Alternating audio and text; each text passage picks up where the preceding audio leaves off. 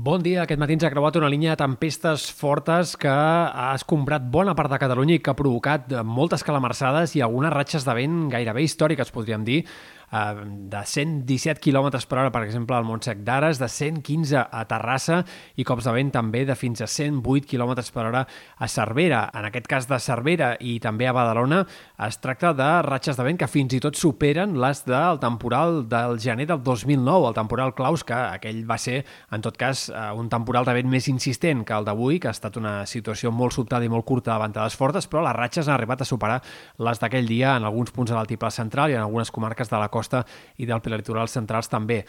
De cara a la tarda esperem que el vent continuï bufant amb ganes eh, en sectors sobretot de les comarques prelitorals centrals, també del sud de Tarragona, a sectors de Ponent encara pot haver-hi cops de vent de 70, 80, 90 km per hora en aquests sectors durant la tarda i fins a primeres hores del vespre. El cap de setmana anirà a la baixa el vent, però no acabarà de desaparèixer. Seguirà deixant-se sentir en moltes comarques amb cops de 30, 40, 50 km per hora. Aquest cap de setmana esperem que hi hagi una altra encara tongada de ruixats, probablement no tan forta com la d'aquest matí, però podria arribar a donar-se el cas que a la nit de dissabte a diumenge es repeteixi algun ruixat localment intens i acompanyat de tempesta. En tot cas, igualment, com avui, xàfecs molt curts que passarien ràpid i només en algunes comarques de Girona diumenge al matí encara hi podria anar plovent de forma intermitent. A la resta esperem que les clarianes eh, tinguin més presència que els núvols, de fet, aquest cap de setmana, tot i que hi hagi molts moments de cel enterbolit en aquest dissabte com també de cara a diumenge. Les temperatures baixaran una mica en aquest eh, cap de setmana, no tant com semblava ahir, però sí que esperem que